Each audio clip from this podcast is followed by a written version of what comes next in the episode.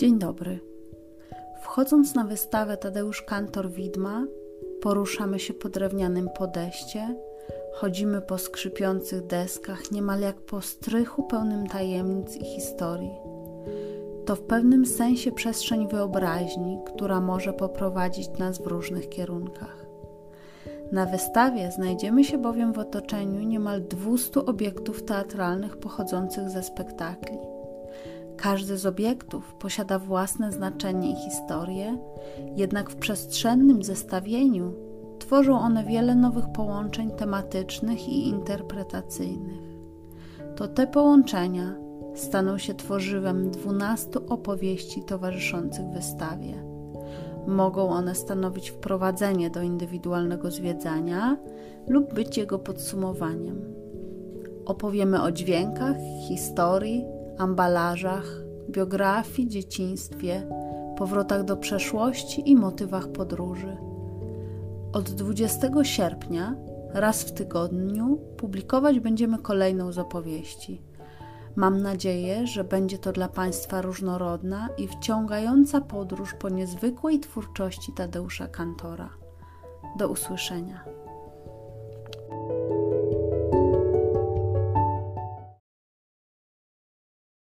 Ambalaże. Ambalaż, taki spolszczony francuski embalaż, to wzięty z życia proceder, który kryje w sobie działania artystyczne w formie opakowywania, owijania, zasłaniania przedmiotów, ale też architektury czy natury. W Polsce ambalaże wykonywał Tadeusz Kantor. Opakowywał obiekty, scenografię, aktorów i uczestników happeningów oraz swych spektakli. Kantor uważał, że już sama czynność opakowywania kryje w sobie potrzebę przechowywania, przetrwania, również czegoś nieznanego i jakiejś tajemnicy. I tak artysta opakowuje wszystko: przedmioty na obrazach i aktorów na scenie. Dla tych ostatnich nie zawsze będą to sytuacje komfortowe. Pojawią się torby, worki, walizki, plecaki i parasole, czyli atrybuty niejednokrotnie utrudniające grę aktorską i poruszanie się na scenie. Ambalaż to swoista prowokacja, przyciągająca uwagę do tego, co ukryte i dla nas niedostępne. To tajemnica, którą chcemy poznać. Co ciekawe, w życiu co rusz natykamy się na opakowania. Gdy zastanowimy się, to dojdziemy do wniosku, że my sami poniekąd bierzemy w tym procederze czynny udział, gdyż ciągle coś pakujemy. Plecak, torbę, walizkę, zakupy. Przykrywamy dziecko, żeby nie zmarzło. Owijamy szkło, żeby je zabezpieczyć przed stłuczeniem. Pakujemy prezenty, wysyłamy listy. Nawet przestrzeń, w której żyjemy, to wszystko, co nas otacza. Brudne naczynia odkładane na stos, ubrania piętrzące się na krześle, na szafce nocnej dwie wieże nieprzeczytanych książek. Gdy przyjrzymy się temu z bliska, zauważymy, że otaczające nas przedmioty mieszają się ze sobą, tworząc ambalaże bez intencji. Kantor w swojej twórczości podnosi zwyczajne przedmioty jak sam je nazwie przedmioty biedne do rangi dzieł sztuki. Szczególnie widać to w ambalażach właśnie. Obrazach stworzonych ze skrawków materiału, śmieci i opakowań. Poprzez utrwalenie tychże kantorowi udaje się przechować je w czasie.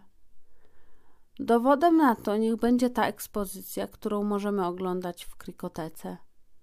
Obiekty nabierają podwójnej mocy – są wśród nich te ważne i mniej ważne, pełne patosu i jakiejś śmieszności, a poprzez ukrycie czegoś jednocześnie coś odsłaniające. I tu na scenę wkracza artysta, dający im zdecydowanie wybrzmieć równocześnie, ciesząc się ich widokiem.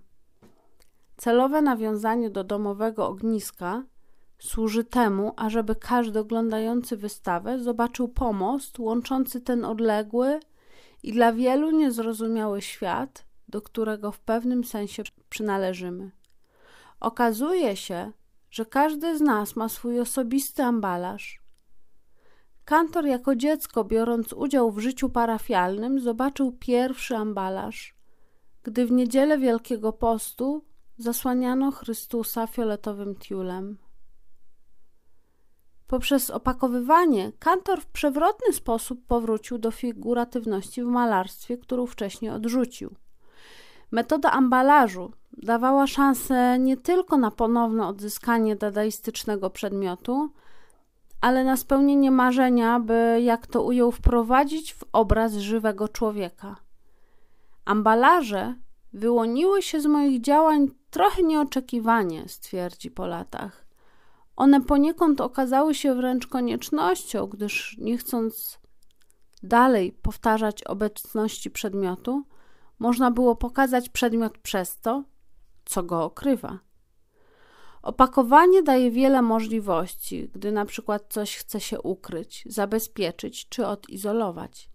Z takim osobistym ambalażem mamy do czynienia na wystawie.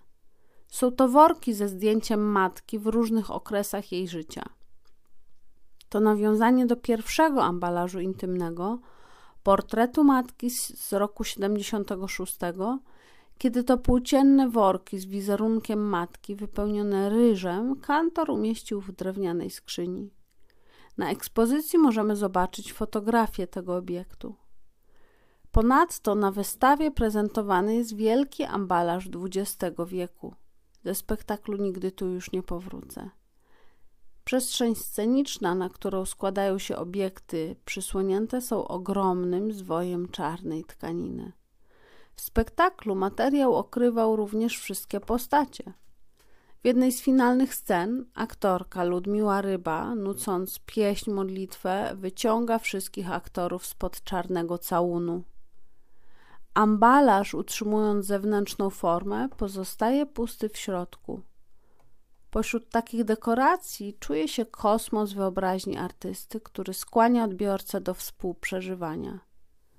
Porozrzucane obiekty sceniczne tworzą krajobraz po katastrofie, a alinearność wystawy uwydatnia ich odrębność i powoduje, że każdy z nich nabiera nowego znaczenia. Całość to wyjątkowy ambalaż idei kantora, które żyją własnym życiem, nie pozwalając zapomnieć o wyjątkowym artyście. Idąc drewnianym pomostem, kontemplujmy sztukę. Nie zrażajmy się, że czegoś nie rozumiemy.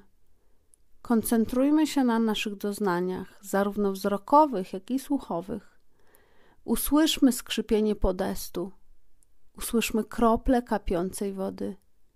Niech otuli nas dźwięk. Kurtyna w dół. Zapraszamy do oglądania i przeżywania. Podróż jest nieodmiennie powracającym motywem w sztuce. Już w czasach starożytnych w swą wielką podróż udał się naród wybrany. Izraelici podążali z kraju egipskich faraonów do ziemi obiecanej. Podróżującym bohaterem literackim był Odyseusz, który przez wiele lat powracał do swej Itaki. Wędrówka od zawsze była ważną częścią aktywności człowieka. W motywie podróży zawarta jest odwieczna tęsknota do zmian, poszukiwania i poznawania tego, co nieodkryte. To zarazem pragnienie przygody i ucieczka od rutyny, a z drugiej strony lęk przed nieznanym, porzucanie bezpiecznej przystani życia. Motyw podróży stał się dla Tadeusza Kantora już na początku jego twórczości wiodącym kierunkowskazem w poszukiwaniach własnej drogi. Po latach kantor motyw powracającej podróży w swych pracach dosadnie nazwał piętnem. Zarówno życie, jak i sztuka były dla kantora niekończącą się podróżą. Związane z nią rekwizyty i motywy będą stale obecne w twórczości malarskiej i w kantorowskiej przestrzeni scenicznej. Pierwszy raz podróż stała się tytułową i iluzoryczną kanwą spektaklu Powrót Odysa Stanisława Wyspiańskiego. W 1944 roku w warunkach okupacyjnego terroru w prywatnym mieszkaniu na Kazimierzu kantor wystawił dramat Wyspiańskiego w ramach podziemnego teatru niezależnego. Klasyczny, homerowski motyw został wciśnięty w okowy trwającej wojny. U kantora powracającym Odysem jest niemiecki żołnierz spod Stalingradu. Brutalna rzeczywistość okupacyjna została wtłoczona do klasycznego dramatu. Po latach, kiedy kantor bilansował swe artystyczne życie w spektaklu Nigdy tu już nie powrócę, przytoczył po raz kolejny podróż i ponowne pojawienie się Odysa, niemalże wprost z wojennego spektaklu. Na wystawie Tadeusz Kantor Widma, kantorowska historia Odysa jest zasymbolizowana w wielkim ambalażu końca XX wieku. Jest to sceniczna konstrukcja spowita ciemną tkaniną. Stanowiła akcent zamykający spektakl Nigdy tu już nie powrócę. Ambalaż składa się z licznych atrybutów kantorowskich bohaterów. Przedmioty opakowane są czarną tkaniną. Powyżej ambalażu wisi jeden z rekwizytów. To łuk powracającego do Itaki Odysa. Od lat 60. powtarzającym się motywem u kantora, nierozerwalnie związanym z podróżą były rekwizyty wędrowców, czyli pakunki, torby, walizki, plecaki. Na ten obraz nakładają się bohaterowie, wieczni wędrowcy ubrani w strój podróżny. Prezentowe kapelusze, płaszcze typu prochowiec, wygodne buty piechura – ten obraz podróżników kantor wystawia w spektaklu Kurka Wodna Witkacego. Idea podróży staje się w kantorowskim przedstawieniu jednym z wiodących obrazów. Trupa wędrowców z różnorodnymi pakunkami, wyolbrzymionymi plecakami i walizkami podąża niosąc za sobą kuszącą ideę podróży, przygody, niespodzianki, zaskakujących wydarzeń, ekscytacji związanych z ryzykiem ale i trud, zmęczenie, a nawet wyczerpanie. Walizka, jako atrybut samej podróży i wędrowca, stanie się głównym rekwizytem i obiektem scenicznym kantora. Na wystawie, wśród licznych rozproszonych przedmiotów, widoczne są walizki z kantorowskich spektakli. Nadobnisie i koczkodany, wielopole, wielopole, niech sczezną artyści, nigdy tu już nie powrócę i dziś są moje urodziny. Obok walizek prostszym atrybutem będą pakunki, na prędce związane płachty tkanin w tobołek. Zatem artystyczna forma opakowywania, zwana ambalażem, będzie dla kantora również powracającym motywem podróży. Idea podróży u kantora to również powtarzający się motyw powrotów. Wzmiankowany już Odys, wracający do przysłowiowej Itaki, stanie się wątkiem wytyczającym powroty samego kantora do osobistych wspomnień. Artysta w swych spektaklach odwołuje się do własnych retrospekcji i obrazów minionego świata. Nie jest to podróż nostalgiczna, nie ma znamion sentymentalnych. Miniona przeszłość, ta osobista, jest bolesna. Powrót nie oznacza przywołania minionego świata jak dawniej. Ten świat już nie istnieje. Nie możemy po latach trudnych doświadczeń wrócić do świadomości niewinnego i nieświadomego dziecka. Taki powrót jest nierealny. Wspomnienia jako klisze pamięci, klisze historii wracają same drogami wyobraźni artysty. Powrót wątków, wydarzeń, skojarzeń i postaci jest obciążony ułomnością ludzkiej pamięci, barierą osobistej cenzury i fragmentarycznością wspomnień. Mimo tych obciążeń, powracający miniony świat w spektaklach kantora to też podróż. Podróż mentalna do czasów dzieciństwa, do przysłowiowego biednego pokoju wyobraźni, a pod koniec życia artysty powrócą również przyjaciele, bohaterowie z wcześniejszych kreacji teatralnych czy postacie z wielkich arcydzieł malarstwa. W ostatnim spektaklu Dziś są moje urodziny Między innymi powrócił malarz Jonasz Stern z przejmującą opowieścią o ocaleniu z zagłady, infantka Małgorzata, która wyszła z obrazu Velasqueza i liczna grupa postaci ze spektakli Tadeusza Kantora. Brakowało wśród nich jedynie samego artysty, właściciela biednego pokoju wyobraźni. Tadeusz Kantor, po ostatniej próbie generalnej do spektaklu Dziś są moje urodziny, zmarł nagle – 8 grudnia 1990 roku. Deformacja. Nowa odsłona wystawy stałej poświęconej twórczości teatralnej Tadeusza Kantora Widma jest w pewnym sensie antywystawą wcześniejszych odsłon.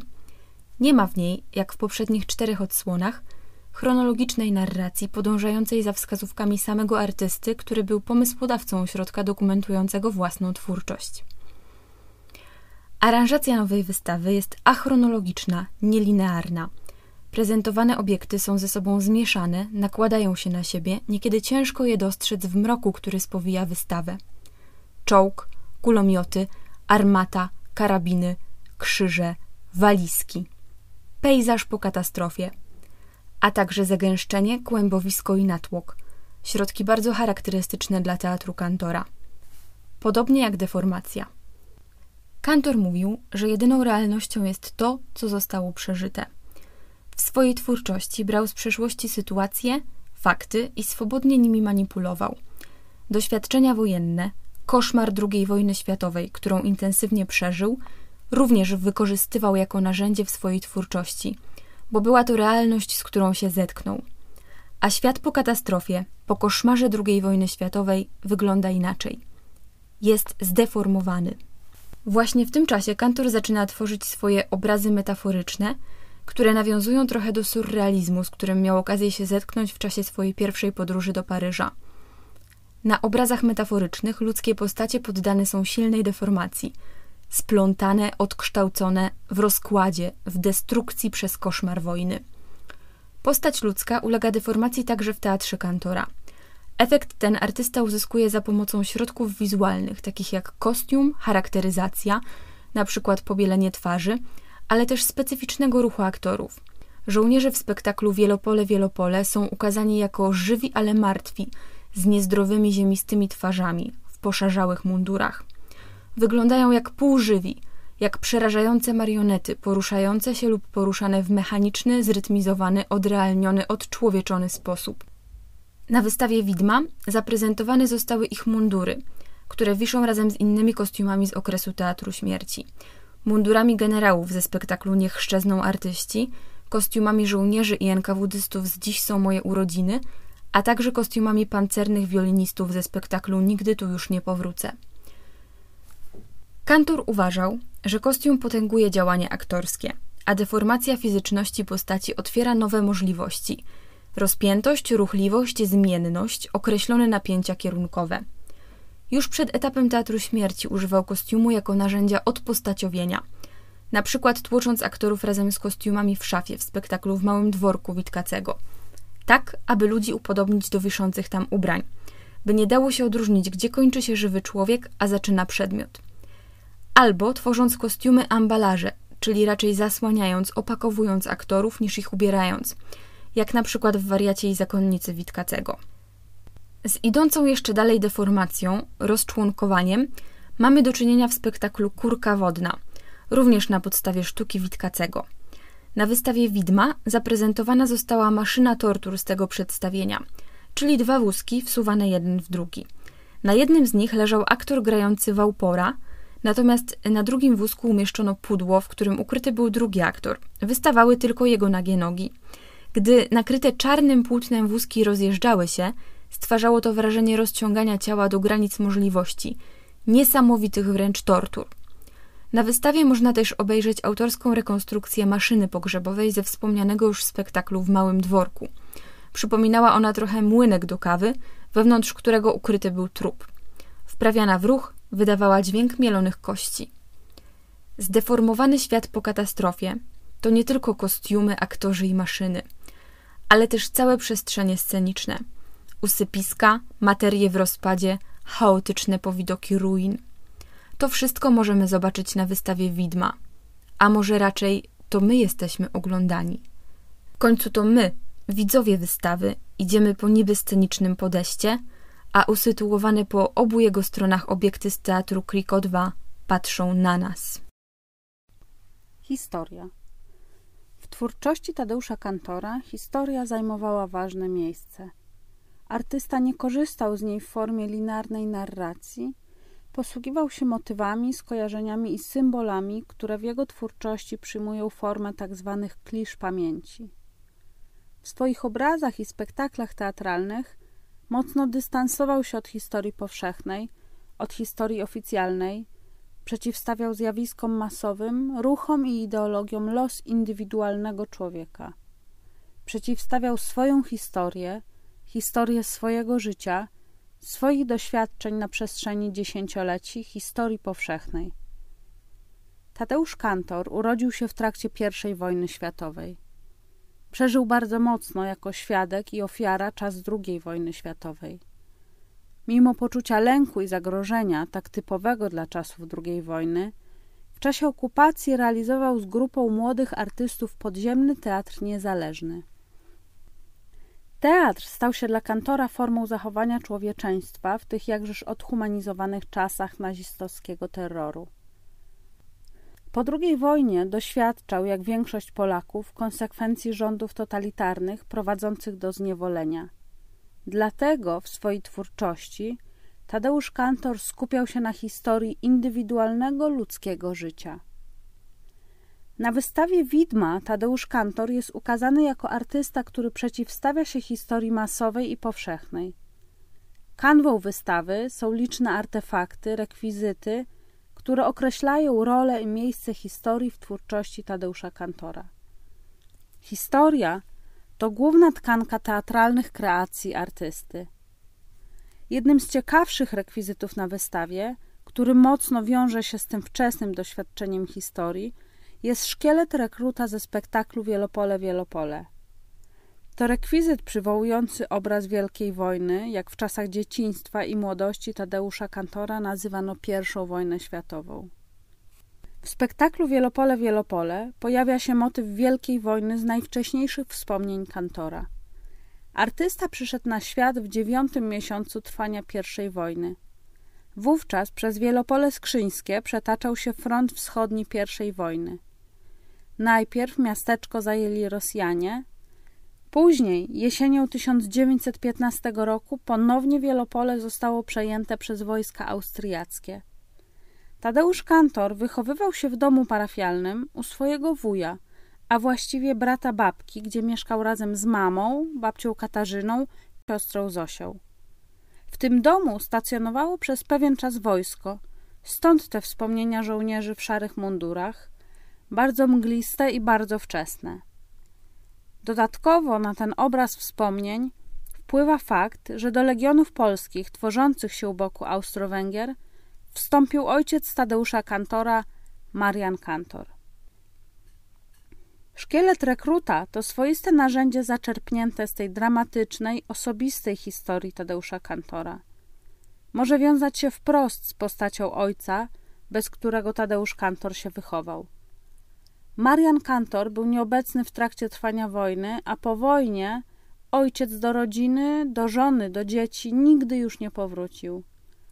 Postać rekruta to powtarzający się motyw śmierci, związany z olbrzymimi ofiarami żołnierzy na frontach Wielkiej Wojny, to zarazem prefiguracja losu pojedynczego człowieka w służbie wielkich idei, jakimi są Bóg, honor, ojczyzna. Żołnierze idący na front pod tymi sztandarami i hasłami zostali brutalnie zniszczeni przez machinę wojenną. Zatem rekrut Wielkiej Wojny to jego znikoma pozostałość, czyli szkielet odziany w mundur żołnierza, e, luźno zwisający. Postać siedzi na metalowym krześle z drewnianym siedziskiem. Czaszkę okrywa czapka z okrągłym denkiem, z usztywnionym daszkiem, z sukna w typie maciejówka takich czapkach chodzili nasi legioniści. Cień rzucany przez daszek na zarys czaszki z oczodołami efekt dramatyzmu mocno potęguje. Sylwetka rekruta na krześle przywodzi skojarzenie bezwolnej kukiełki ze zwisającymi, ukrytymi w przydługawych rękawach ramionami, podobnie nogi bezwładnie zwisają w fałdach nogawek nad ziemią, wyłaniają się jedynie szkielety obu stóp. Mundur i spreparowany z tworzywa sztucznego szkielet rekruta to scenograficzny rekwizyt w typie ready-made, w którym Tadeusz Kantor mocno definiuje swoją pogardę wobec wielkiej historii, masowej śmierci milionów istnień, które wywołują i pochłaniają konflikty zbrojne. W kontekście indywidualnym rekrut szkielet przywołuje osobistą utratę ojca, uczestnika Wielkiej Wojny w ramach walk o polską niepodległość. To wspomnienie I wojny światowej jest bardzo mgliste dla kantora dziecka, ale w późniejszych latach zostało mocno ugruntowane przez pamięć zbiorową. Później wzmocnione przez kolejne wydarzenia historyczne, w których kantor bardziej świadomie uczestniczył. Klisze pamięci ze spektaklu Teatru Śmierci są zaznaczone w ważnym elemencie wystawy widma. Są to wiszące u góry na wieszakach liczne kostiumy mundurowe prezentowane tuż obok szkieletu rekruta. Jeszcze raz powraca wspomnienie Wielkiej Wojny w mundurach ze spektaklu Wielopole Wielopole. Obok nich wiszą kostiumy generałów ze spektaklu Niech szczezną artyści. To wspomnienie czasu wojny polsko-bolszewickiej z 1920 roku. Kantor, już bardziej świadomy, pamiętał czas defilat i parad wojskowych z Wielopola Skrzyńskiego, które miały miejsce po zwycięskim zakończeniu wojny w 1921 i 1922 roku. Wiszące mundury w groteskowy sposób przybrały formę galowych przez wyeksponowanie kołnierzy, mankietów, pagonów z generalskimi dystynkcjami. Dodatkowo mundury przepasane były reprezentacyjnymi szarfami. Motyw machiny wojennej powraca przez zaprezentowane mundury z kolejnych spektakli Teatru Śmierci. Nieuchronność zagłady, unicestwienie w czasie II wojny światowej, następujące po niej totalitarne zniewolenie przywołane są w postaci kostiumów pancernych wiolinistów w spektaklu Nigdy tu już nie powrócę oraz w mundurach żołnierzy i NKWDzistów ze spektaklu Dziś są moje urodziny tego ostatniego przedstawienia, które przed swoją śmiercią zdołał przygotować Tadeusz Kantor. Kostiumy mundurów zawieszone na wystawie są powtarzającym się widmem strachu wobec wielkiej historii, bezbronności jednostki i buntem artysty zarówno wobec wojny y, i zagłady, jak również sprzeciwem wobec czasu pokoju gdzie strach przed unicestwieniem, zwątpieniem zostaje zastąpiony obawą przed tępą biurokracją, rozbuchaną konsumpcją, prymatem bezdusznej techniki. Żołnierze w mundurach w spektaklach Tadeusza Kantora to strzępy pamięci z okresu dzieciństwa. Gdy Kantor zobaczył pierwszy raz jednakowo ubranych ludzi, innych od tych, których znał dotychczas, zapytał mamy, kim oni są – Matka odpowiedziała, że to są żołnierze.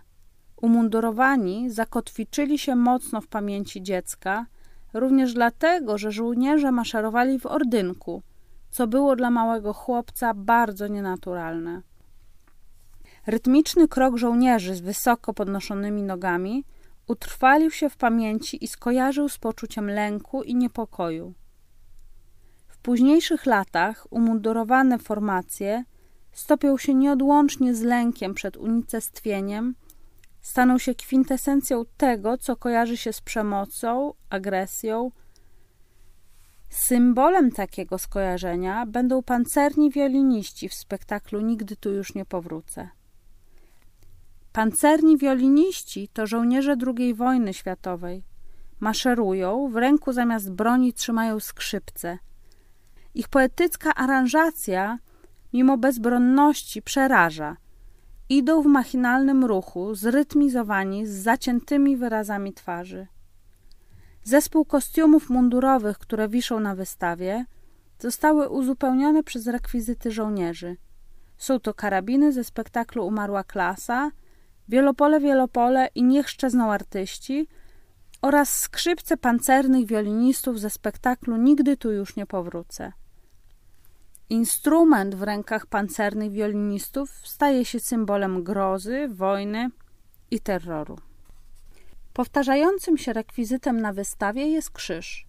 Drewniane krzyże były ważnym elementem scenografii w spektaklach Teatru Śmierci Kantora, Wielopole Wielopole i Niech szczezną artyści, czy Dziś są moje urodziny.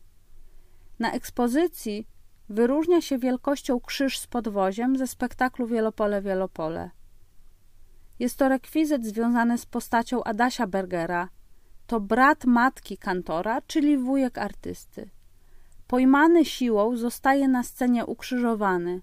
Jest rekrutem, a zatem kolejną bezwolną ofiarą wojny. Przebrany w strój rekruta, wrzucony zostaje do wagonu z martwymi żołnierzami przy dźwiękach pieśni legionowej Szara Piechota.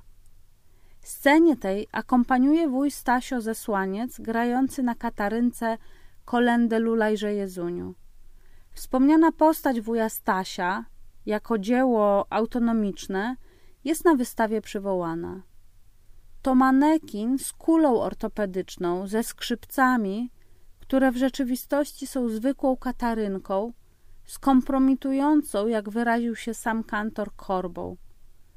Wuj Stasio, rekwizyt ze spektaklu Wielopole, Wielopole, obala mit powstańca, patrioty.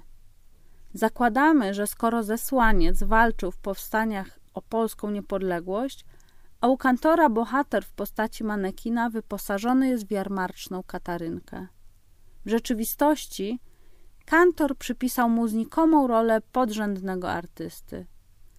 Na wystawie, niemal na końcu drewnianego podestu, przy tak zwanej barykadzie, ostatnim dziele mistrza Wita Stwosza, po lewej stronie stoi koń szkielet, rekwizyt ze spektaklu Niech szczezną artyści. Ta wielka barykada, na którą składa się m.in. koń szkielet, to konstrukcja, która zamyka spektakl Niech szczezną artyści. Koń to kolejne nawiązanie kantora do wielkiej historii. Kantor powraca poprzez ten rekwizyt do własnych wspomnień dzieciństwa, do kultu marszałka Piłsudskiego, zapamiętany z okresu dwudziestolecia międzywojennego.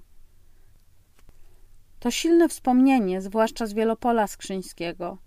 Wówczas rodził się kult marszałka, rozwijany później również w Tarnowie, gdzie kantor przeniósł się z mamą i siostrą. W spektaklu Niech szczezną artyści kantor wprowadza konia szkielet, tak zwany szkielet apokalipsy z marszałkiem Piłsudskim.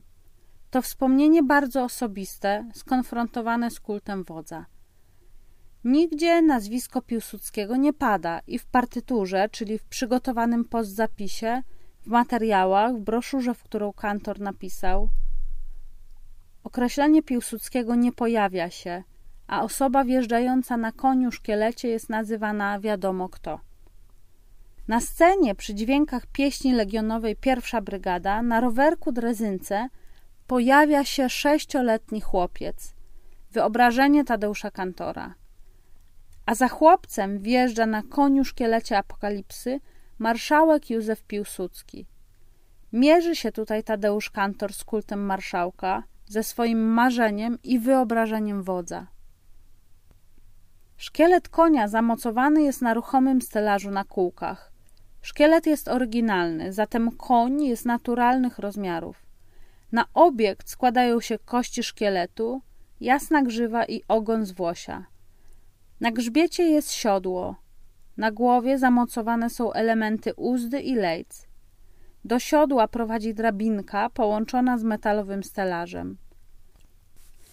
Motyw konia to wspomnienie z lat dzieciństwa, z Wielopola Skrzyńskiego, do którego kantor powraca w spektaklu, podobnie jak powracał w defilujących oficerach z czasów uroczystości po zwycięstwie w wojnie polsko-bolszewickiej.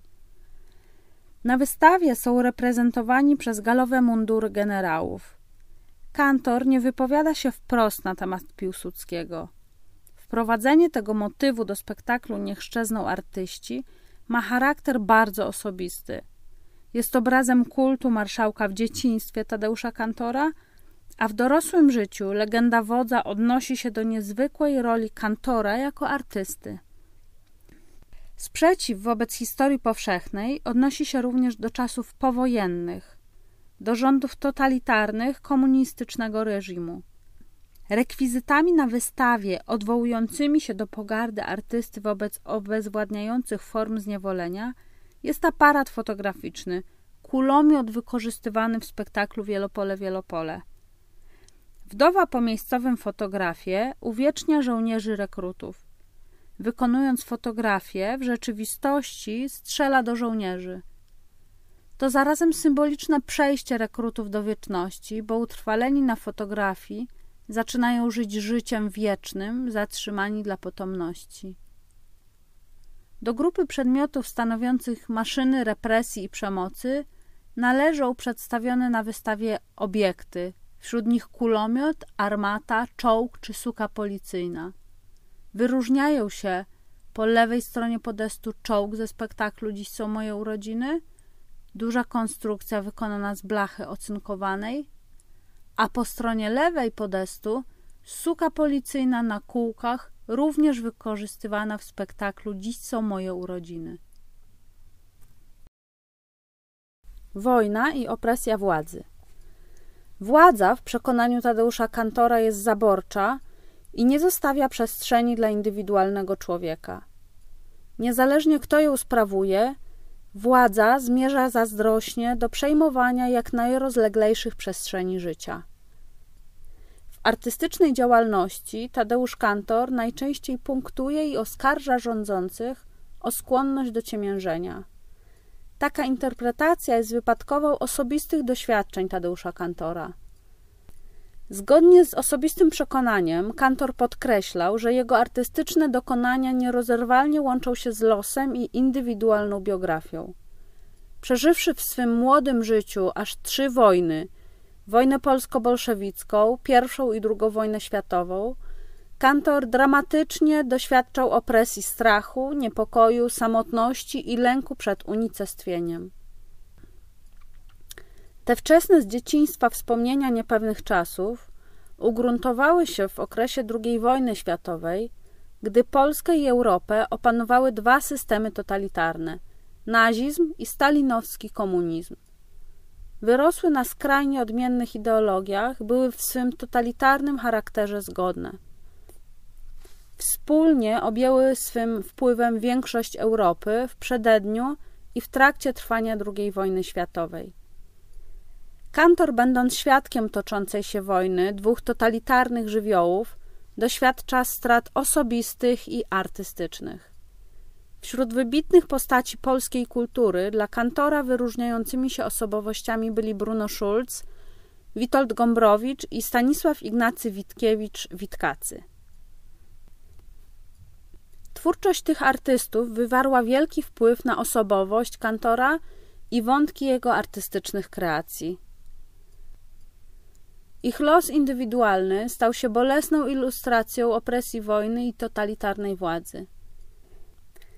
Witkacy na wieść o wkroczeniu sowieckiej Armii Czerwonej w granice ogarniętej już wojną Polski popełnił samobójstwo miał przed oczami realizującą się wizję katastrofy nie tylko politycznej, ale i ludzkiej. Tym samym czasie Witold Gombrowicz, przebywający na rejsie po Ameryce Południowej, nie chcąc wracać do rozgrabionej przez dwa totalitarne systemy Polski, wybrał emigrację. Nie powrócił z niej również po zakończeniu wojny, gdyż rozumiał, że okupacja nazistowskich Niemiec została płynnie zastąpiona nową okupacją totalitarnego stalinowskiego reżimu.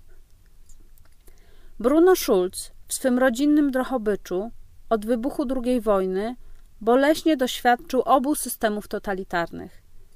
Najpierw pod rządami radzieckimi został zmuszony do służby dla reżimowej władzy. Malował m.in. portrety Stalina. Po zajęciu Drohobycza przez Niemców Ponownie jego talent został wykorzystany przez okupanta. Mimo bolesnych dla artysty kompromisów, Bruno Schulz ginie na ulicach Drohobycza. W listopadzie 1942 roku, w. Tak Czarny Czwartek, został zabity przez SS-mana strzałem w tył głowy. W tym samym czasie, w marcu 1942 roku, w obozie koncentracyjnym Auschwitz-Birkenau zostaje zastrzelony ojciec Tadeusza Kantora, Marian Kantor. Te osobiste i artystyczne straty ważnych dla Kantora postaci zakodują opór przeciwko władzy, poczucie ciemiężenia przez narzucone systemy rządów i ideologii, niezależnie od proweniencji. Swym mentalnym autorytetom artysta wielokrotnie oddawał hołd we własnej twórczości – Bruno Schulz i jego traktat o manekinach stale powraca w licznych kantorowskich, malarskich i teatralnych realizacjach. Manekiny preparowane przez Tadeusza Kantora pojawiają się w większości przedstawień teatralnych. Zwracają uwagę swym woskowym wyrazem twarzy, szklistymi, ceramicznymi oczami, które nadają im ludzką dozę realizmu.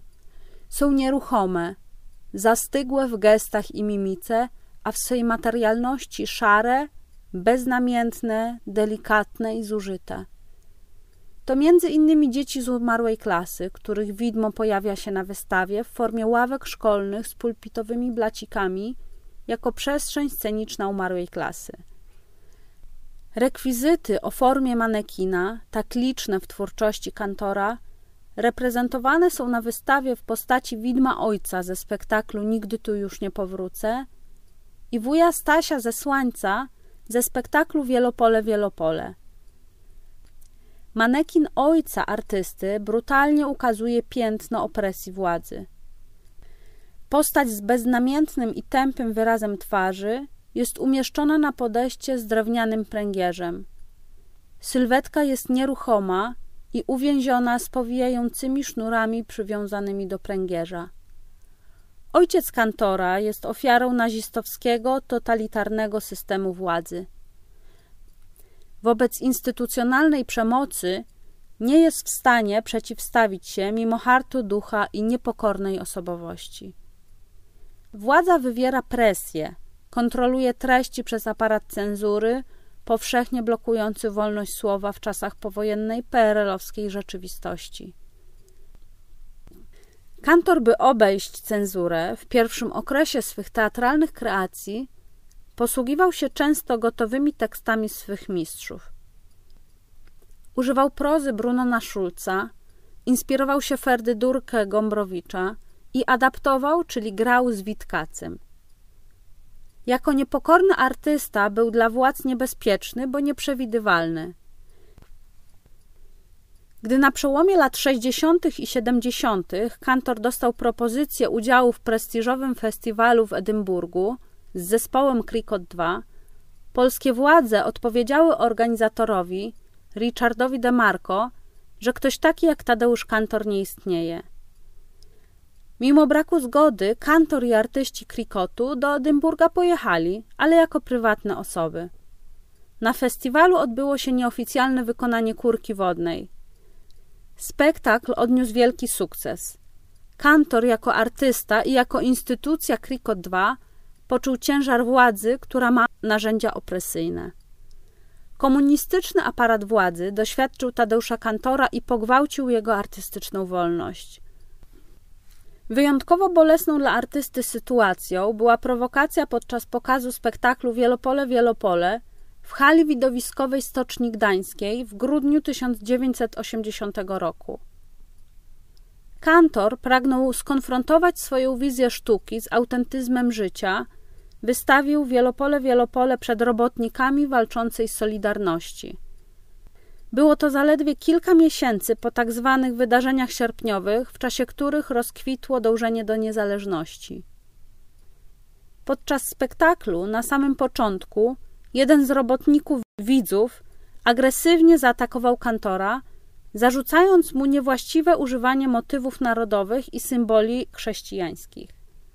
Zmroziło to atmosferę w czasie spektaklu, a sam kantor przeżył wielkie rozczarowanie ruchem Solidarności. Była to, jak się niebawem okazało, świadoma prowokacja władz. Atakujący mężczyzna był funkcjonariuszem Służby Bezpieczeństwa komunistycznego reżimu. Na wystawie Tadeusz Kantor Widma mamy liczne rekwizyty ze spektaklu Wielopole Wielopole, jak drewniane krzyże, szkielet rekruta, kostiumy mundurów i aparat fotograficzny kulomiot. Ten rekwizyt znamiennie symbolizuje maszynę przemocy – jeden z ważnych atrybutów przymusu i strachu w dobie opresji władzy.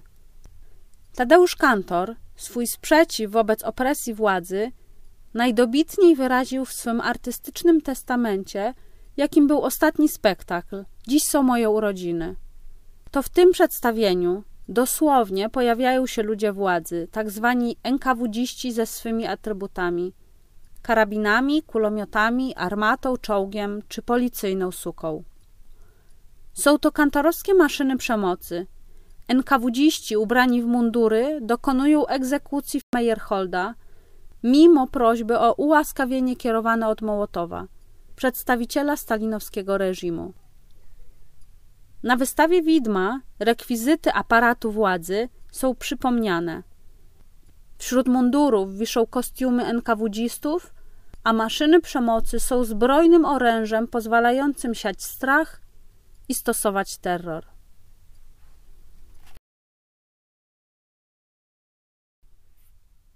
Pamięć, klisze pamięci. Można rzec, że Tadeusz Kantor, jako jeden z niewielu artystów naszego czasu, przełożył na teatr pamięć.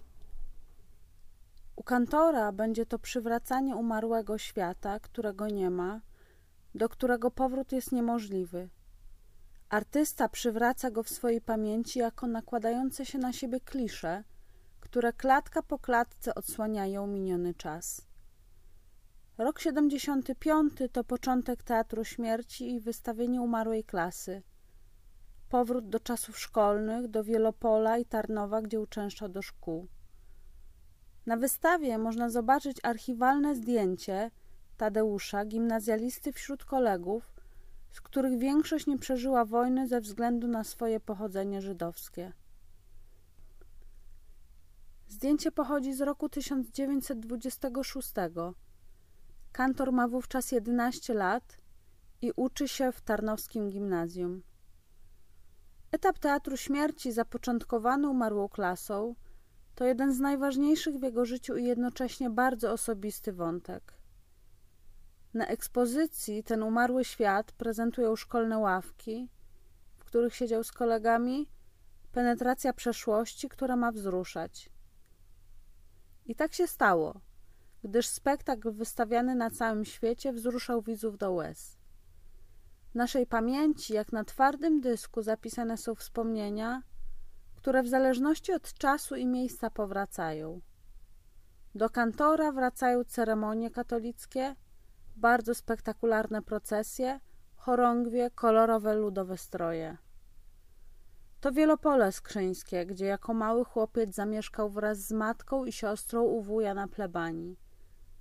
Tuż po drugiej stronie ulicy inny równie intrygujący świat ze swoimi tajemniczymi obrzędami, pieśniami i modłami, świat czarnych hałatów, lisich czapek, świeczników i blasku świec.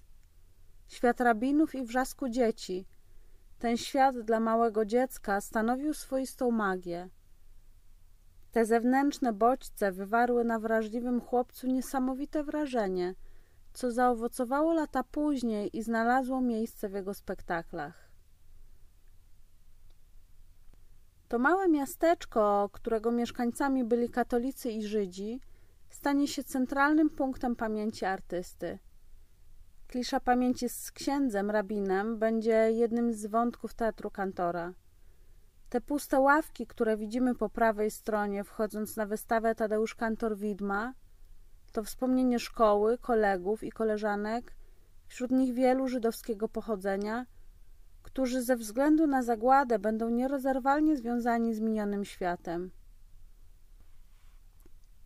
W jednym z wywiadów powie, że kultura żydowska ma kolosalne znaczenie dla kultury polskiej. I te nasuwające się na siebie wspomnienia, często bolesne i trudne, staną się swoistymi kliszami pamięci, którą kantor będzie pielęgnował w swoim artystycznym świecie i przetwarzał na swój własny sposób w teatrze. W teatrze kantora, pisał Jan Kot, żywi stają się sobowtórami umarłych i to jest chyba najważniejsze, co ma kantor do powiedzenia. Pierwsze spektakle Teatru Śmierci kantor budował na wspomnieniach dzieciństwa i szkoły. Zawrze tu wszystko. Będą to wspomnienia miejsc szczególnie bliskich, pamięć o najbliższych i rodzinie, pamięć o wydarzeniach, które go ukształtowały i zarazem wywarły na niego największy wpływ. W swojej pamięci przywołuje swój pierwszy teatr, którym były dekoracje świąteczne w wielopolskim kościele, wielopolskie ceremonie świąteczne, śluby, pogrzeby, grób Chrystusa na Wielkanoc i wiele innych. Potem to ja robiłem to wszystko z moją siostrą w pokoju, będzie wspominał. W teatr rodzeństwo bawiło się pod stołem, a za kurtynę służył obrus. Drugim ulubionym miejscem była szafa, którą dorosły kantor artysta nazwie interiorem imaginacji. Zaś później będzie to powtarzał z aktorami z Teatru Kriko 2, ale już na scenie budując swój własny pokój wyobraźni. Innym z powracających tematów w jego dojrzałej twórczości jest wojsko. Dla siedmioletniego dziecka inny gatunek ludzi. W pamięci zachowa sztab armii austriackiej kwaterujący na plebanii, przede wszystkim błyszczące buty, strojne hełmy i kapiące złotem mundury. Te wspomnienia dały asumpt do przełożenia niezapomnianego widoku na scenę. Tak wojsko w Ordynku weszło w marszu do jego pokoju dzieciństwa jako szara piechota. Żołnierze w szarych mundurach staną się w Wielopolu mieszkańcami pokoju równymi członkom rodziny artysty. Na wystawie prezentowane są mundury stworzone na potrzeby spektakli. Kostiumy rekrutów ze spektaklu Wielopole Wielopole, kostiumy generałów ze spektaklu Niech szczezną artyści, czy pancernych wiolinistów ze spektaklu Nigdy tu już nie powrócę, którzy zamiast karabinów trzymają w dłoniach skrzypce. Na pewno takim najważniejszym obrazem, utrwalonym w pamięci, na zawsze będą wysokie, żółte buty ojca, przyjeżdżającego z frontu na krótki urlop. To jedyna klisza pamięci związana z ojcem, Marianem Kantorem. Każdy z nas ma swoje wspomnienia, które pielęgnuje i do nich chętnie powraca, ale są i takie, o których wolelibyśmy zapomnieć. U kantora będzie to czas wojny, która odcisnęła piętno na jego życiu i pozostawiła niezagojoną ranę. Ta wystawa jest jednym z takich powrotów. To ukłon w stronę artysty, dla którego pamięć stała się czymś wyjątkowym. Na kliszach pamięci zbudował inny świat, powracając do miejsc i ludzi, stworzył coś niepowtarzalnego, coś niesamowicie wzruszającego. Krikoteka pielęgnuje ten stan i nie daje o nim zapomnieć, czego wyrazem jest ta ekspozycja, której wielowątkowość go potęguje. Scenografia. Tadeusz Kantor, wybitny reżyser, twórca autorskiego autonomicznego teatru, teoretyk sztuki, reformator teatru, był też zawodowym scenografem. Przez niemal 30 lat, w latach 1945-1977, tworzył scenografię dla teatrów instytucjonalnych, czy też, jak można je inaczej nazwać, oficjalnych. Przez pewien czas było to nawet jego główne źródło utrzymania. Zrealizował ponad 60 projektów, m.in. dla Starego Teatru w Krakowie, Teatru Polskiego w Poznaniu czy Teatru Śląskiego. Jako absolwenta Wydziału Malarstwa Krakowskiej Akademii Sztuk Pięknych, malarza i rysownika, można zaliczyć kantora do grona wybitnych artystów plastyków, którzy w pierwszej połowie XX wieku mieli ogromny wpływ na kształtowanie nowych form w teatrze europejskim. Opracowując scenografię, kantor często organizował ją w duchu awangardowych kierunków plastyki, przykład konstruktywizmu, a jego rozwiązania scenograficzne mocno wpływały na sensy i całość inscenizacji.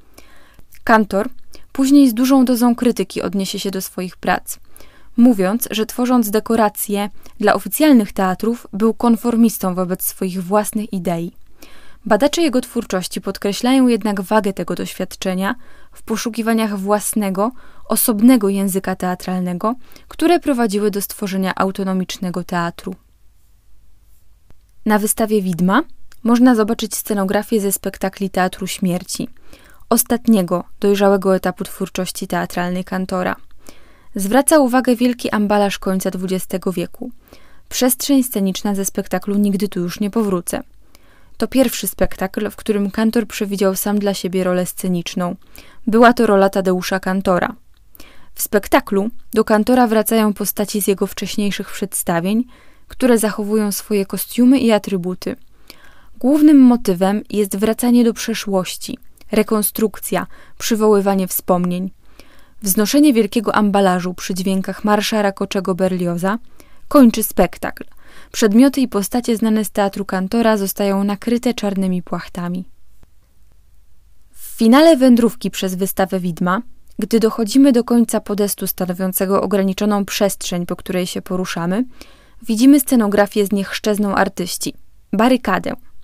W spektaklu, po scenie demolowania celi więziennej, następuje scena Ostatnie dzieło mistrza Wita Stwosza z budowaniem barykady. Buduje ją sam mistrz Stwosz.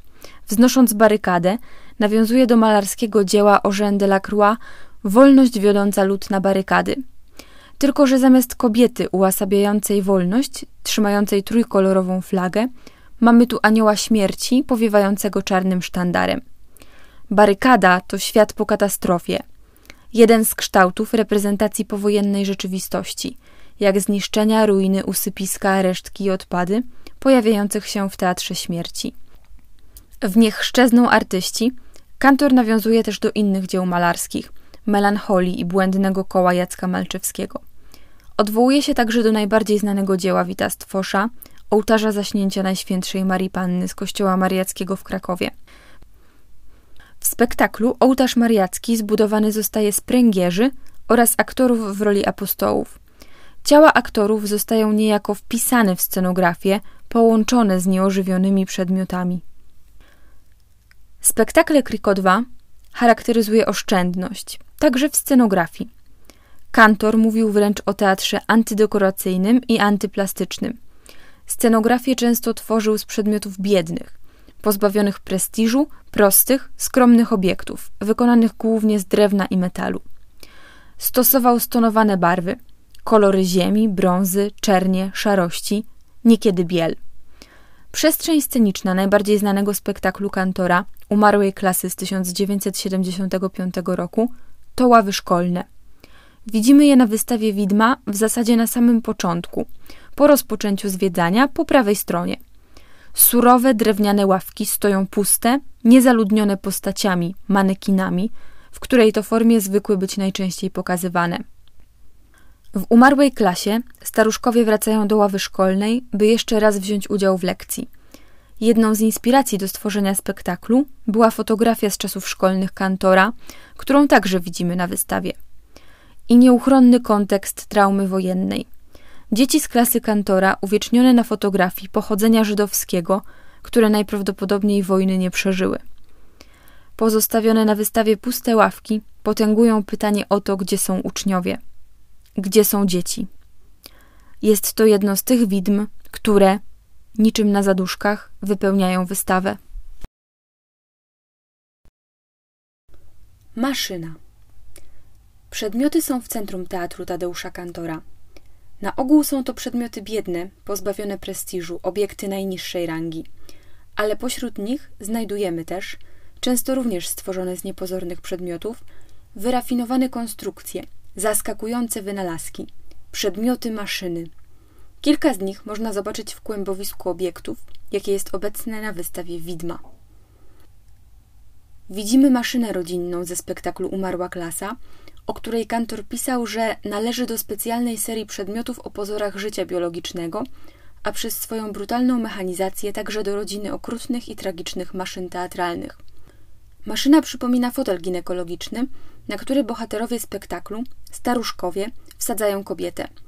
Jej nogi, umieszczone w specjalnych ruchomych formach, są mechanicznie rozwierane i zwierane, a sprzątaczka śmierć kładzie między nimi kołyskę mechaniczną, co dopełnia przerażającego, okrutnego obrazu.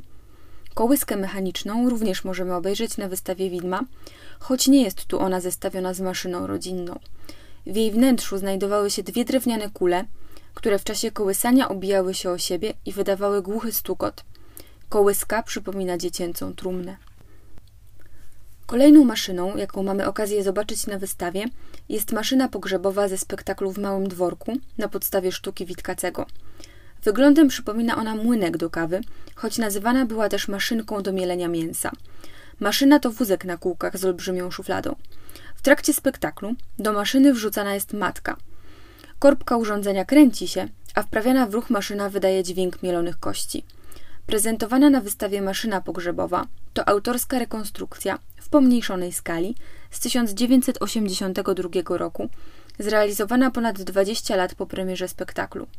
Kantor, dla którego idea ocalania od zapomnienia własnej sztuki była niezwykle istotna, często po nawet kilkudziesięciu latach rekonstruował obiekty, przestrzenie sceniczne ze swoich spektakli, a także maszyny. Rekonstruując, tworzył reprezentacje swoich idei teatralnych, nadając im materialną formę. Źródeł pierwotnego zainteresowania kantora przedmiotami urządzeniami można dopatrywać się, jak stwierdza Katarzyna Fazan, w awangardowym kulcie maszyn funkcjonującym w pierwszej połowie XX wieku. Ten trend, zainteresowanie techniką i nowoczesnością, osadzał proces poznania w konstruowaniu. Potem jednak, po II wojnie światowej, jak zauważa badaczka, nastąpił pewien zwrot w podejściu do maszyn. Pojawiła się wobec nich podejrzliwość, rozczarowanie i wręcz krytyka maszyny. Maszyny, które widzimy na wystawie widma, też należą do przerażającego świata po katastrofie. Są okrutne, są metaforą destrukcji. Kolejną z nich, poza maszyną rodzinną, kołyską mechaniczną i maszyną pogrzebową, jest maszyna tortur ze spektaklu Kurka Wodna. Została ona skonstruowana z dwóch wózków, wsuwanych jeden w drugi. Na jednym z nich leżał aktor, natomiast na drugim wózku umieszczono pudło, w którym ukryty był drugi aktor – tak, że wystawały mu tylko nagie nogi. Nakryte czarnym płótnem wózki rozjeżdżały się, a wtedy wydawało się, że ciało aktora rozciągane jest do granic możliwości, poddane okrutnym, absurdalnym wręcz torturom. Można powiedzieć, że ten aspekt absurdalności rozładowuje trochę ciężar okrucieństwa maszyny, zgodnie z intencją kantora, któremu bliskie było wywoływanie sprzecznych emocji u widzów. Mamy tu też znowu do czynienia z konstrukcją na kółkach – Ważną cechą maszyn stworzonych przez kantora jest ich mobilność, ruchomość. Trochę absurdalna, czy nawet kuriozalna może się wydawać także monumentalna łapka na szczury ze spektaklu Nadobnisie i Koczkodany, którą również widzimy na wystawie. Stworzona z blachy, metalu, drewna i sznurka, łapka na kółkach była w spektaklu nieustannie czyszczona przez bestię domestikę, a następnie użyta przez nią do zamordowania hrabiego, bohatera sztuki Witkacego. Okrutną, bezduszną maszyną w teatrze Kantora okazuje się także z pozoru niewinny aparat fotograficzny. Fotografowanie zamienia się w rozstrzeliwanie w jednej ze scen spektaklu Wielopole, Wielopole z okresu Teatru Śmierci. Żona po miejscowym fotografie robi zdjęcie grupie żołnierzy. Wtedy aparat wystrzela całą serią, żołnierze padają martwi. Za pomocą aparatu fotograficznego, wynalazku pana Dagera, bo tak kantor nazwał to urządzenie, artysta nawiązuje do tradycji uwieczniania żołnierzy przed wyjazdem na front. Dla kantora fotografia zawsze była czymś zatrzymanym pomiędzy życiem a śmiercią. Fotografia wojenna rekrutów, na której uwieczniony został jego ojciec, stała się inspiracją i punktem wyjścia dla spektaklu Wielopole Wielopole. Warto wspomnieć też o dwóch maszynach, których nie ma na aktualnej wystawie. Maszyna miłości i śmierci z końcowego etapu twórczości kantora jest przykładem niepokojącego urządzenia, metaforyzującego destrukcję, a jednocześnie wprowadzającego bardzo szczególną, trochę tajemniczą aurę. Maszyna pochodzi z krikotażu pod tym samym tytułem. Pokazywana była w krikotece przy okazji wcześniejszych wystaw.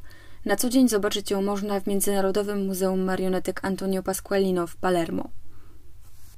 Maszyna ma formę drewnianego okręgu, po którego przeciwległych stronach kantor umieścił kościotrupa i woskowy manekin, który jest sobowtórem jego samego z lat młodości. Na środku okręgu, pomiędzy dwojgiem blaszanych drzwi, znajdują się natomiast trzy konstruktywistyczne postaci. Nawiązanie do trzech służących ze sztuki Śmierć Tinta Gillesa, Morisa Materlinka, którą kantor wystawiał przed wojną. Stosując to powtórzenie, kantor wraca do swojego spektaklu sprzed 50 lat.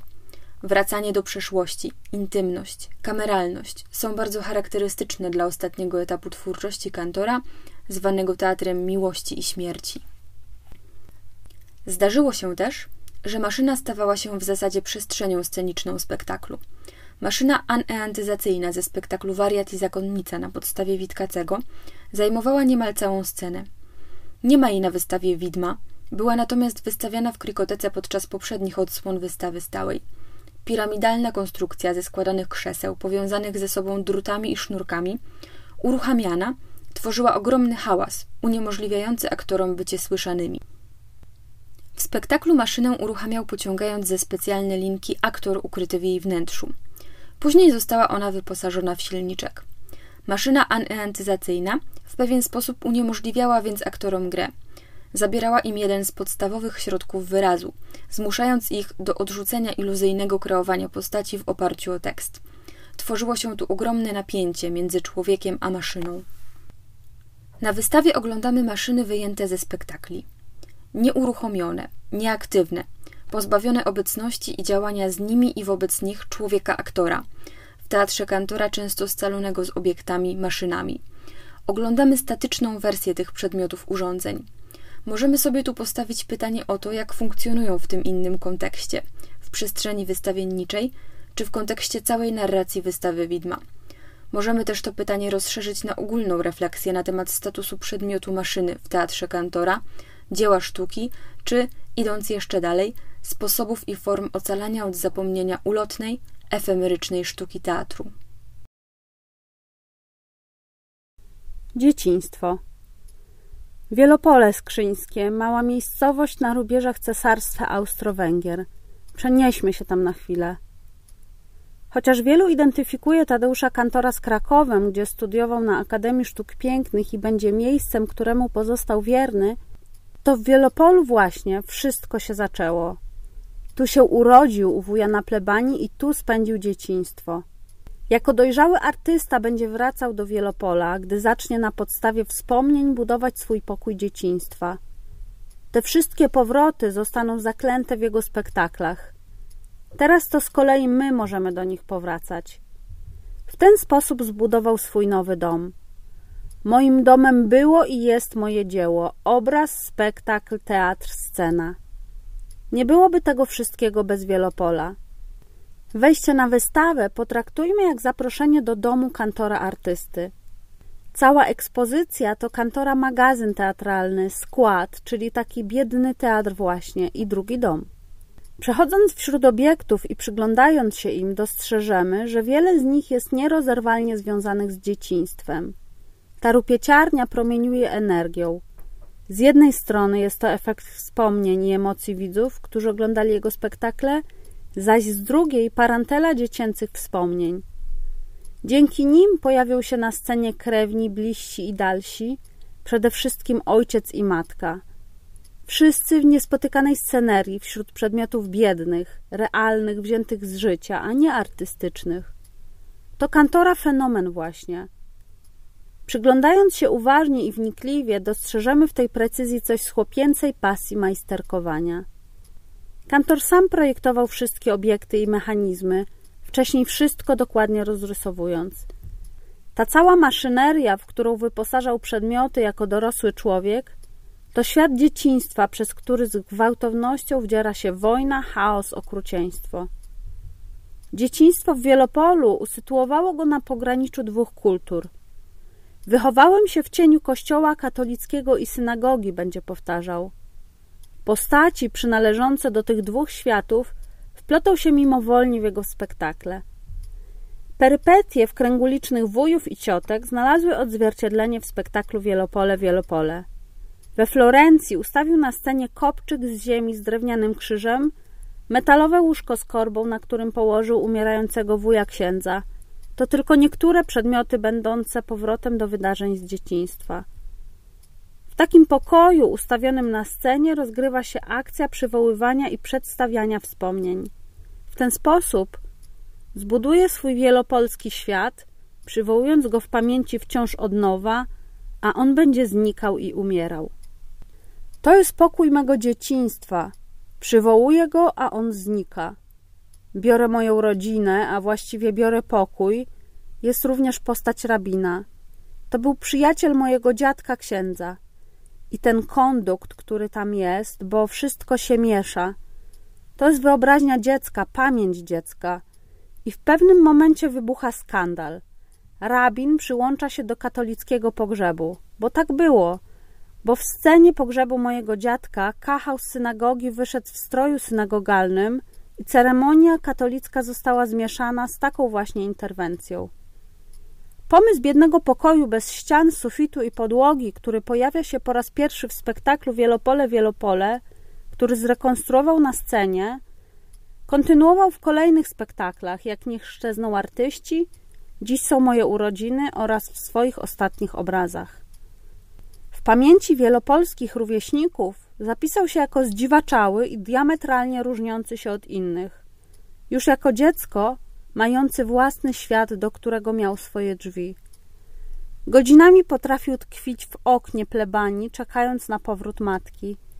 Biegał oglądać ceremonie katolickie i żydowskie, zapuszczał się na łąki i coś tam sobie malował. W roku 21 po raz pierwszy zobaczy stację kolejową i pociąg z wagonami. Nikt mi nie uwierzy, powie, ale dla mnie naprawdę wszystko się tak zaczęło. Z pudełek zrobiłem sobie lokomotywy i wagony.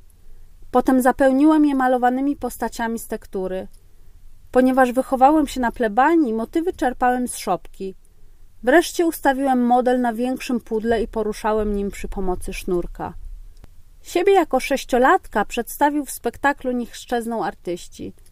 Grana przez dziecko postać na wózeczku drezynie została nazwana Ja, gdy miałem sześć lat, która ubrana w mundurek żołnierzyka Piłsudskiego wykreuje na scenie wodza na ruchomym koniu szkielecie. Otoczą go srebrni generałowie, jakby figury z ołowiu, niewykluczone cienie z katyńskich ekshumacji. Wymienione obiekty są prezentowane na ekspozycji. W dzieciństwie lubił samotne wyprawy na końce świata. Były to wspomniane już wielopolskie łąki, pola, pagórki i lasy. Szczególnie upodobał sobie cmentarz. Wierzyłem w to, co mówiono, napisze, że tam ludzie leżą pod ziemią, mają już spokój. Na rozstajach dróg trafiał na liczne w tej okolicy krzyże, które z kolei powrócą jako jeden z motywów Teatru Śmierci. Dzieciństwo Tadeusza Kantora jawi się jako ogromna skarbnica pełna pomysłów, które stały się inspiracją dla jego twórczości. Kantor artysta zaklął je wszystkie w przedmiotach, które stworzył z wielką pieczołowitością, hołubił i pielęgnował, a które potem podniósł do rangi dzieł sztuki. Ten świat możemy oglądać na prezentowanej wystawie widma. Każdy z obiektów ma swoje znaczenie, a zaprezentowany alinearny, wręcz chaotyczny układ jawi się jako świat z pamięci dziecka, w którego pokoju leżą porozrzucane zabawki, z którymi nie potrafi i nie chce się rozstać. Ojciec i matka. Życie prywatne Tadeusza Kantora mocno odcisnęło piętno i odegrało ważną rolę w kreacjach scenicznych artysty. Liczne wątki biograficzne kantor wystawił na widok publiczny w teatralnych przedstawieniach.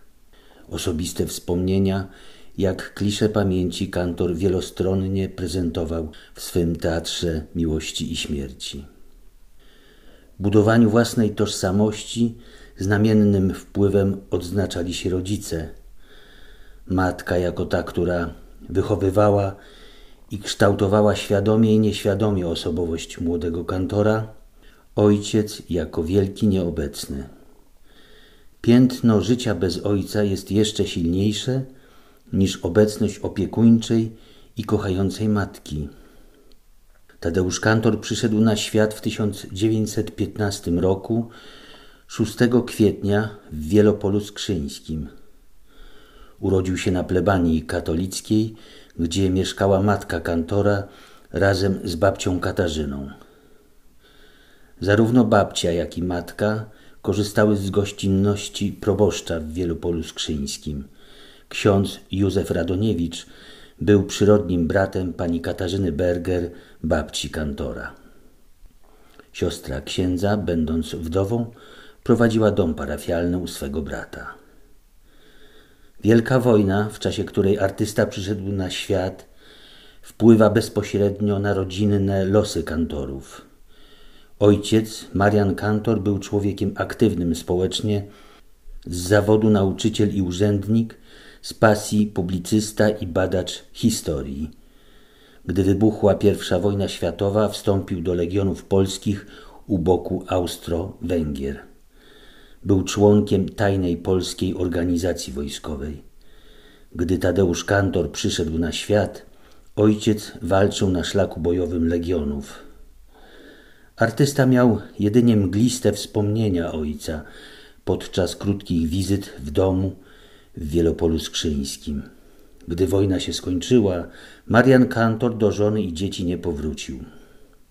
Pozostawał tak zwanym wielkim nieobecnym. Mimo, że nie utrzymywał kontaktu z rodziną, jego osobista historia była kantorowi znana. Wielkim dramatem stała się śmierć ojca i jej okoliczności. Za działalność niepodległościową Marian Kantor trafił do obozu koncentracyjnego w Auschwitz-Birkenau. 1 kwietnia 1942 roku został rozstrzelany przez SS-mana za nieposłuszeństwo. Wspomnienie ojca stale towarzyszyło artyście w kontekście osobistej biografii, jak i w aspekcie uwikłania w wielką historię. Udział ojca w I wojnie światowej wpłynął na los całej rodziny, porzucenie matki i ból nieobecności dla dzieci, syna Tadeusza i córki Zofii. Tragiczna śmierć ojca w Auschwitz-Birkenau była kolejną brutalną konfrontacją losu człowieka z wielką historią i totalitarną zagładą. Matka Helena z Bergerów Kantorowa była najważniejszą osobą w życiu młodego kantora. Jej obecność, podobnie jak niebyt ojca, jest ważnym narzędziem kreacji teatralnych oraz stale powraca w artystycznej twórczości kantora. Na wystawie Widma obie postaci pojawiają się jako nieme rekwizyty spersonalizowane klisze pamięci osobistych wspomnień artysty, a zarazem istotne obiekty przestrzeni scenicznej spektakli Tadeusza Kantora. Przy wejściu na wystawę po lewej stronie drewnianego podestu znajduje się niewielki stolik artysty ze składanym krzesłem. To nieodłączny atrybut kantora, obecnego na swych przedstawieniach. Artysta, jako widziany przez publiczność swoisty sufler, stoi na straży poprawności i właściwej interpretacji spektaklu tu i teraz. Ten konkretny stolik pochodzi z ostatniego przygotowanego przez kantora przedstawienia Dziś są moje urodziny. To w tej scenicznej odsłonie kantor najmocniej mierzy się ze swoją przyszłością, zarówno w życiu osobistym, jak i scenicznym. Po raz kolejny przywołuje bohaterów ze swych teatralnych kreacji. Stolik to wspomnienie artysty, ale również przywołanie rodziców, którzy pojawiają się na starej, oprawionej w drewnianą ramkę fotografii. Zdjęcie rodziców razem to niemalże dosłowna klisza pamięci. Postaci rodziców w anturażu z początku XX wieku, z Belle Époque, prostym obrazem przenoszą widza w czas pierwszych wspomnień artysty do jego biednego pokoju wyobraźni. Na stole, oprócz starej fotografii z rodzicami, mamy relikt przeszłości, lampę naftową i atrybut kantora artysty w twórczym natchnieniu, czyli filiżankę do kawy z łyżeczką. Wszystkie drobiazgi na stole artysty to tak zwane ready-made, przedmioty, które tu stają się częścią scenografii, a zarazem artystyczną kreacją kantora. Stolik jest przypuszczalnym symbolem jego pochodzenia i jego współobecności. Kiedyś na spektaklach, teraz na wystawie widma. Postać ojca powraca wielokrotnie.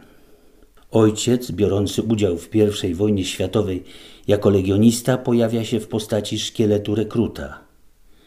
To nieoczywiste, ale zarazem silne odniesienie do utraty ojca jako żołnierza Wielkiej Wojny. Marian Kantor nie ginie na froncie, ale do dziecka, jakim był w tym czasie artysta, ojciec nigdy nie wrócił. Rekrut jest ubrany w mundur legionowy i czapkę. Strój zwisa z sylwetki, odsłaniając jedynie czaszkę i szkielet stóp. Sylwetka ojca może również być przywołana w widmie konia, szkieletu apokalipsy. To kantorowskie nawiązanie do kultu marszałka Piłsudskiego z walk o niepodległość i czasu dwudziestolecia międzywojennego. Wielki wpływ na swoisty kult wodza, przywracającego Polsce niepodległy byt, miał ojciec i jego wspomnienie. Był legionistą, uczestniczył w powstaniach śląskich, dosłużył się stopnia kapitana, a w późniejszym czasie był żołnierzem kampanii wrześniowej. Postać marszałka na koniu szkielecie, jak w drzeworycie Albrechta Dürera z jeźdźcami apokalipsy, wkracza na scenę spektaklu Niech strzezną artyści. Szkielet konia podąża za chłopcem na rowerku drezynce. Postać dziecka uosabia sześcioletniego Tadeusza Kantora. artysta konfrontuje się z własnym dziecinnym wyobrażeniem marszałka, na co niewątpliwie miał wpływ nieobecny ojciec. To zarazem wpływ matki, która jako pierwsza tłumaczyła chłopcu w czasach wielkich defilat i uroczystości po zwycięstwie w wojnie polsko-bolszewickiej, kim są postaci w jednolitych strojach, mundurach, czym jest marsz w ordynku i kim są żołnierze jako tacy. W ten świat wielkiej historii, widziany oczami małego dziecka, wprowadza go matka. Jest pierwszą osobą, która określa niezrozumiałe dla dziecka zjawiska. Liczne formacje umundurowanych wojskowych w spektaklach można interpretować jako najdawniejsze klisze pamięci, ale zwerbalizowane przez matkę. Prezentowane mundury ze spektakli świadczą o częstym ich wykorzystywaniu przez kantora jako kostiumy, rekwizyty. Na wystawie widma figury ojca i matki pojawiają się ponownie razem na końcu drewnianego podestu po prawej stronie. Wyróżnia się widmo ojca. Ze spektaklu nigdy tu już nie powrócę. Artysta spreparował manekin ojca w bawełnianym bieliźnianym trykocie. Twarz ma wyraz posępny, zdezorientowany i nieobecny. Często w manekinach kantora zwracają uwagę szkliste, ceramiczne oczy. Zawarte jest w nich wrażenie człowieka nie mającego wpływu na swój los wobec wielkich ruchów i wydarzeń historycznych. Ten wątek podkreśla dodatkowo postawa widma. Ojciec sznurami jest przymocowany, uwięziony w dyby w formie stojącego pręgierza. Na sylwetce widma ojca wyświetlane jest zdjęcie grobu matki Tadeusza Kantora i jej wizerunek. Czytelny wydaje się być krucyfiks nagrobny. Zastosowany na manekinie mapping, czyli projekcja zdjęcia, całą figurę ojca jeszcze bardziej deformuje. W tle na ścianie wyświetlana jest jeszcze raz fotografia ujmująca już pełnię obrazu, a zarazem zdjęcie grobu matki na cmentarzu rakowickim i stojący w zadumie Tadeusz Kantor nad swym dziełem Portret Matki. To artystyczna forma pożegnania się z matką. W 1976 roku artysta wykonał tę osobistą instalację.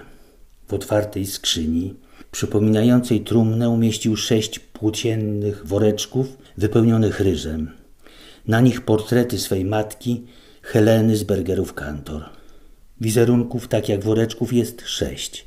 Każdy przedstawia kolejne etapy życia matki, od młodości po wiek późny. To właśnie ten najmłodszy obraz matki jest zmapowany na sylwetce widma ojca, poniżej wizerunku krzyża.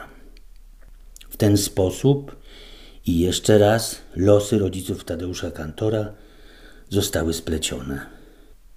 Po latach w grobie swej matki Tadeusz Kantor kazał się pochować. Grób na cmentarzu rakowickim jest miejscem wiecznego spoczynku matki i syna. Ruch. Tadeusz Kantor w swoim autorskim teatrze poszukiwał nowych strategii i form wyrazu, także jeżeli chodzi o ruch. Obserwujemy to w sposobie poruszania się aktorów na scenie, w powiązaniu aktora z obiektem i częstym zabiegu zapętlenia ruchu związanego z tym przedmiotem, a także w mobilności samych obiektów. Trening fizyczny nie był obowiązkowym elementem w procesie pracy aktorów teatru Kriko 2. Poszukiwania związane z ruchem i cielesnością miały tutaj inny charakter. Anna Królica, która w jednym ze swoich tekstów zestawiła autorski Teatr Śmierci Kantora i niemiecki Tanztheater, Teatr Tańca, wskazując na wiele punktów wspólnych, Pisze, że kluczowy jest tutaj status fizycznej obecności aktora. To na jego fizyczną obecność została bowiem przeniesiona funkcja, którą wcześniej spełniał tekst dramatyczny bycie podstawowym spajającym wszystkie elementy sceniczne budulcem. Badaczka stwierdza, że z choreografami łączy kantora właśnie stworzony od nowa system ikonografii cielesności, rytmizacja działań scenicznych, ukierunkowanie na pracę aktora. Eksperymenty związane ze sposobem poruszania się aktorów bardzo wyraziście widzimy w spektaklu Wielopole, Wielopole. Pośród różnych obiektów z tego spektaklu dostępnych na wystawie Widma są też kostiumy rekrutów. Poszerzałe mundury, które oglądamy, dopełniają obrazu żołnierzy o niezdrowych, ziemistych twarzach, którzy są ukazani jako żywi, ale martwi. Ich ruch jest mechaniczny, zrytmizowany, momentami trochę jak ruch nakręcanej zabawki. Wyglądają jak półżywi, jakby wstali z grobu, jak przerażające marionety, poruszające się w odczłowieczony, odrealniony sposób. Znajdują się na granicy dwóch światów, między życiem a śmiercią. Z kolei w umarłej klasie bohaterowie spektaklu, staruszkowie, poruszają się w dziwnym, niepokojącym korowodzie, przypominającym Dons Macabre, alegoryczny taniec śmierci. To jedna z pierwszych scen. Na samym początku spektaklu staruszkowie tkwią nieruchomo w drewnianych ławach szkolnych, przestrzeni scenicznej, którą widzimy zaraz po wejściu na wystawę widma. Gdy rozlega się walc François, staruszkowie z przytwierdzonymi do nich w różnych pozycjach manekinami, interpretowanymi jako ich młodość, dzieciństwo, wspomnienie ich samych z lat młodości, dziwacznym, tanecznym krokiem przesuwają się wokół ław szkolnych, by po chwili znów do nich powrócić. Obraz staruszków w ławie szkolnej powraca w spektaklu nieustannie. Raz za razem siadają w ławkach i zastygają w uczniowskich pozach. Są jak zastygła fotografia, jak wspomnienie, jak klisza, niekiedy ożywiana, by odtworzyć kolejną lekcję. Z czasem ruch aktorów staje się coraz bardziej mechaniczny, aż pod koniec spektaklu wszyscy powtarzają wciąż od nowa te same czynności. Od umarłej klasy we wszystkich następnych spektaklach Kriko 2 zawsze będzie miał miejsce przemarsz postaci, często też z obiektami, przedmiotami, urządzeniami przez scenę. Jak łatwo zauważyć, praktycznie wszystkie obiekty prezentowane na wystawie widma mają kółka. Od monumentalnej łapki na szczury ze spektaklu na Dobnisie i Koczkodany, przez krzyż z podwoziem czy aparat fotograficzny, wynalazek pana Dagera z Wielopole Wielopole, do czołgu i klatek na dzikie bestie z ostatniego spektaklu Kantora Dziś są moje urodziny. Bardzo ważną cechą obiektów i maszyn konstruowanych przez Kantora była właśnie ich mobilność. Kolejnym aspektem jest powiązanie aktora z konkretnym obiektem, częsty zabieg w teatrze Kantora, albo wykonywanie zapętlonej, powtarzającej się czynności związanej konkretnie z tym jednym przedmiotem. Rowerek manekin dziecka na rowerku, który oglądamy na wystawie, w spektaklu Umarła klasa był obiektem przynależącym do staruszka z rowerkiem, krążącego w kółko, wręcz maniakalnie na swoim rowerku i odjeżdżającego w rytm walca François. Wspomnianą już monumentalną łapkę na szczury w nadobnisiach i koczkodanach nieustannie, pedantycznie czyściła bestia domestika, grana przez żonę kantora, Marię Stangret-Kantor. Kolejnym przykładem takiego zapętlenia ruchu jest postać z krikotażu Gdzie są niegdysiejsze śniegi, nieobecnego akurat na wystawie widma. Indywiduum z brzuszkiem, bo o tej postaci mowa, nieustannie próbuje zapakować w papier pudełko, które za każdym razem mu się odpakowuje. Związaną z tym strategią stosowaną przez kantora jest łączenie żywego ciała aktora z przedmiotem, niejako rozszerzanie ciała aktora o przedmiot, który określa też jego tożsamość. Takie połączenie kantor nazywał bioobiektem. W umarłej klasie, oprócz staruszka z rowerkiem, mamy też na przykład kobietę za oknem. W niech szczezną artyści wisielca z szubienicą ustępem, czy świętoszka z klęcznikiem i różańcem. Takie powiększenie aktora o przedmiot determinowało oczywiście sposób jego poruszania się. Jak pisze Anna Królica, w ten sposób powstał swoisty obiekt przestrzenny, w którym przedmiot zrastał się z postacią, zwiększając jej masę. Poprzez jej rozmiar aktor odmierzał, wyznaczał przestrzeń niezbędną mu do poruszania się w świecie. Czuł się ciałem powiększonym o parametry przedmiotu. Jego cielesna świadomość przyswajała ten dodany obcy element i odbierała go jako organicznie własny. Poza tym cielesność aktorów i kreowanych przez nich postaci ulega w teatrze Kriko 2 nieustannym przeobrażeniom. Będąc na wystawie widma, warto poświęcić chwilę na obejrzenie przygotowanych materiałów audiowizualnych, montażu fragmentów zapisów spektakli Teatru Kriko 2 z okresu Teatru Śmierci. Umarła klasa, Wielopole, Wielopole, Niech strzezną artyści, Nigdy tu już nie powrócę i Dziś są moje urodziny. I zobaczyć aktorów oraz obiekty, które widzimy na wystawie w nieuruchomionej, statycznej wersji, w ruchu, w scenicznym działaniu. Droga kantora artysty. Przychodzimy na świat i gdzieś tam mamy zapisane swoje życie. Drogę, którą przyjdzie nam przejść. Wiele zależy od nas samych, ale są sytuacje i zdarzenia, na które zupełnie nie mamy wpływu. Na pewno chcemy być zdrowi i szczęśliwi, spełnieni zawodowo. Nie zawsze wszystko wychodzi i układa się zgodnie z oczekiwaniami. Często droga, którą podążamy, jest wyboista, piętrzą się na niej przeszkody. Wtedy robimy wszystko, żeby znów wyjść na prostą. Szukamy antidotum, jakiegoś remedium, które sprawi, że odzyskamy równowagę. W takich sytuacjach na myśl przychodzi rodzinny dom, a powroty do czasów dzieciństwa, niekoniecznie fizyczne, może to być powrót mentalny, przynoszą ulgę i ukojenie. Każdy z nas ma swoją itakę, ale zdarza się tak, że powrót nie jest już możliwy, co znalazło potwierdzenie w przypadku kantora. Wrócił do Wielopola, do swych najbliższych, poprzez pamięć dziecka. Wchodząc na wystawę widma, widzimy drewniany pomost, który można utożsamić z przebytą przez kantora drogą artystyczną. Idąc po nim usłyszymy skrzypienie desek, to jakby stłumione jęki i krzyki artysty, który nie daje o sobie zapomnieć.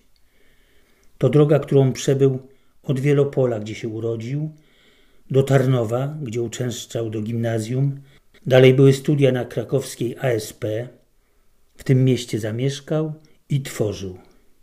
Kilka miejsc do dziś jest nierozerwalnie związanych i utożsamianych z artystą, jak krakowska galeria Pałacu Krzysztofory, gdzie wystawiał spektakle Witkacego, czy ulica Kanonicza 5, przy której powstał ośrodek Teatru Kriko 2.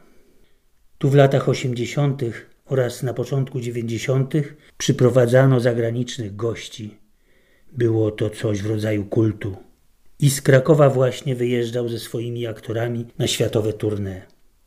Wyjazd do Stanów Zjednoczonych w roku 65 z żoną Marią Stangret zaowocuje pojawieniem się na artystycznej drodze pojęcia happeningu.